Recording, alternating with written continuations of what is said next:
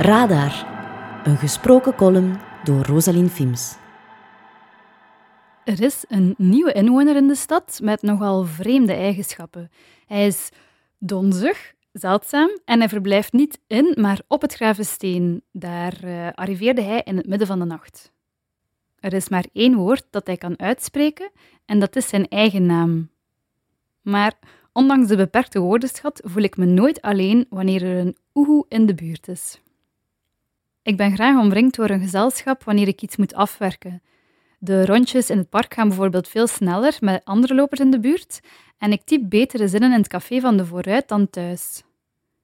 Maar s'nachts is er een probleem, want dan is slapen iets dat moet gebeuren en er is geen onbekende die dan naast mij zijn spaghetti zit op te eten. Het enige wat nog een beetje in de buurt komt, is de laatavondfilm in de Sphinx. Gelukkig voor mij zijn er s'nachts nog anderen die wel wakker zijn en die mij kunnen vergezellen.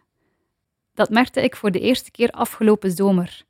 Ik had mijn tent geïnstalleerd op een Franse camping. Het was zo'n plek in het midden van de bossen, waar in de wijde omgeving niemand woont en je moet zo'n kronkelend baantje nemen om er te geraken.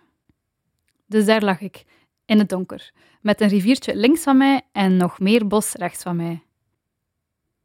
Door het gesnurk van de kampeerders kreeg ik fear of missing out. Er was een feestje bezig aan de andere kant van hun bewustzijn en ik kon er precies niet op tijd bij zijn. Maar toen, vanuit het niets, waren er twee uilen die met elkaar begonnen te communiceren. De ene uil zat letterlijk boven mijn tent in een boom te roepen naar een andere uil die zich wat verder had geparkeerd. Dat gesprek als achtergrondlawaai was ideaal voor mij om mee in slaap te vallen. Tot de uil boven mij besloot om te zwijgen. Van die verandering was ik ineens klaar wakker. Wat was er gebeurd? Waarom antwoordde hij niet meer? De uil in de verte bleef maar krijsen en ik moest me inhouden om niet zelf te reageren. Ik leerde toen ook dat voor mijn nachtrust het gezelschap van één uil zowat het maximum is. Ik denk trouwens niet dat het per se een uil moet zijn die mij gezelschap houdt, maar het is nog nooit gebeurd dat een buur vanuit zijn raam laat weten dat hij ook nog wakker is. Uilen lijken precies ook altijd hetzelfde te zeggen. Ik hoor het mijn buurman al doen. Kan niet slapen, kan niet slapen. Waarop ik dan antwoord: Ik ook niet, ik ook niet. En zo kunnen we doorgaan tot een van de twee zichzelf in slaap heeft gekrijsd. Het is tot nu toe nog een mysterie waarom de oehoe naar Gent is gekomen. Normaal woont hij in een bebost gebied zoals de Ardennen, dus het is erg speciaal dat hij verhuisde naar een van de drukste steden van Vlaanderen.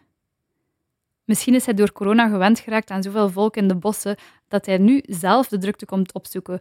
Of misschien is hij gewoon jaloers op de aandacht die de wolven in Limburg kregen. Maar het is alleszins een oehoe met gevoel voor dramatiek, want ja, als mythisch dier landen op het steen, dat getuigt toch wel van een zekere klasse. Ik hoop alleszins dat de oehoe nog een tijdje blijft. Ik ben in de dierenwinkel al om mijn voorraad door de muizen gegaan, zodat hij misschien ook eens in mijn straat komt waken. Want beter één oehoe op mijn vensterbank dan twee in Zuid-Frankrijk.